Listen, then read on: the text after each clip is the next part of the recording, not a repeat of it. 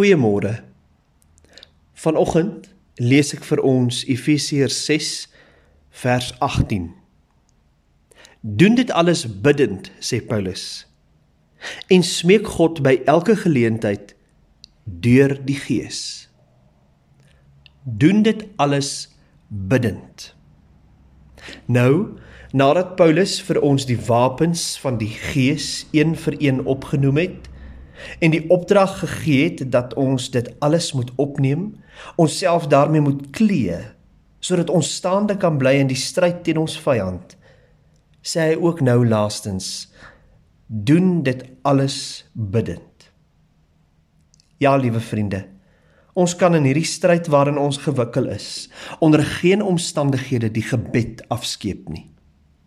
Want sonder gebed, sonder 'n diepe en 'n nederige afhanklikheid voor God, is ons geestelike oorlogsvoering te vergeefs. Die volle wapenrusting van God, naamlik die waarheid, geregtigheid, die evangelie boodskap, geloof, verlossing en die woord van God is uiteindelik sonder gebed oneffektief. Kragteloos. Want al hierdie dinge saam met die gebed is alles saam die gereedskap wat God tot ons beskikking stel, wat God vir ons kom gee om geestelik te oorwin.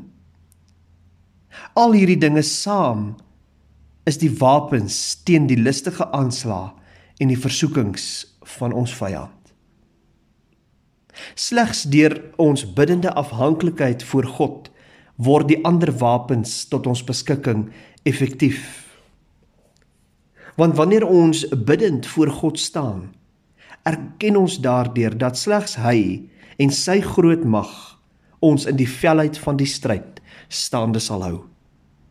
So maak gebed deel van die wapenrusting wat jy daagliks aantrek. Bid opreg Bid met nederigheid en in afhanklikheid. Wees waaksaam. Bid gedurig. Stel deur die gebed jou vertroue in God. Bid ook vir al die medegelowiges wat daagliks saam met jou die stryd stry. En bid, soos Paulus ook vra, vir die verkondiging van die evangelie van redding.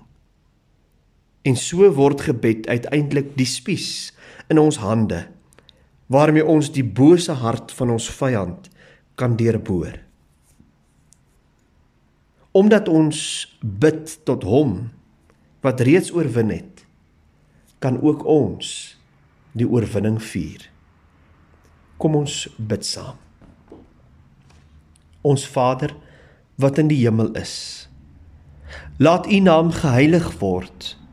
Laat U koninkryk kom laat u wil geskied soos in die hemel net so ook op die aarde gee ons vandag ons daaglikse brood en vergewe ons ons skulde net soos ons ons skuldenaars vergewe en lei ons nie in die versoeking nie maar verlos ons van die bose want aan u behoort die koninkryk en die krag en die heerlikheid tot in alle ewigheid. Amen.